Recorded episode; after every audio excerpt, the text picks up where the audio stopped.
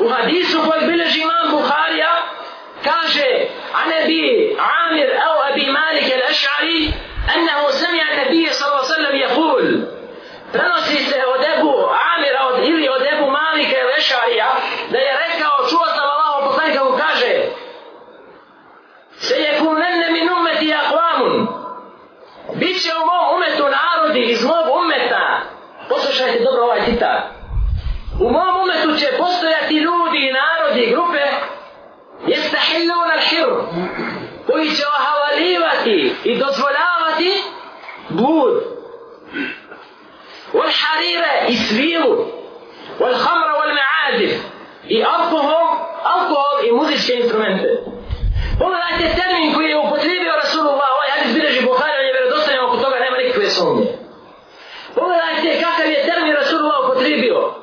Će iz mog umeta narod koji će ohalalivati, što znači da je u osnovi zabranjeno, odnosno haram. Blud, svilu za muške osobe, el hamr, alkohol i muzičke instrumente.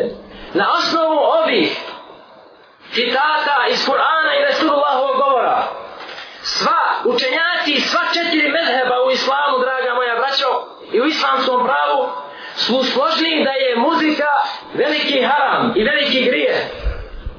A najrigorozniji po tom pitanju su učenjaci našeg medheba, hanetijskog medheba, kojem pripadamo prostorno, kojem pripadamo dakle prostorno. Naveću samo citat jednog od hanefijskih učenjaka, koji se zove Alauddin al-Kasani, u svom poznatom dijelu Bedaju Sanaya, u šestom tomu, naše objeđenje, to jeste objeđenje hanefijskih učenjaka, jeste da je muzika drogi haram. Neko će reći, to je običaj kod nas. Mi kažemo, običaj je u našoj vjeri, draga moja braća, na velikom stepenu postavljen i rangiran je veoma visoko.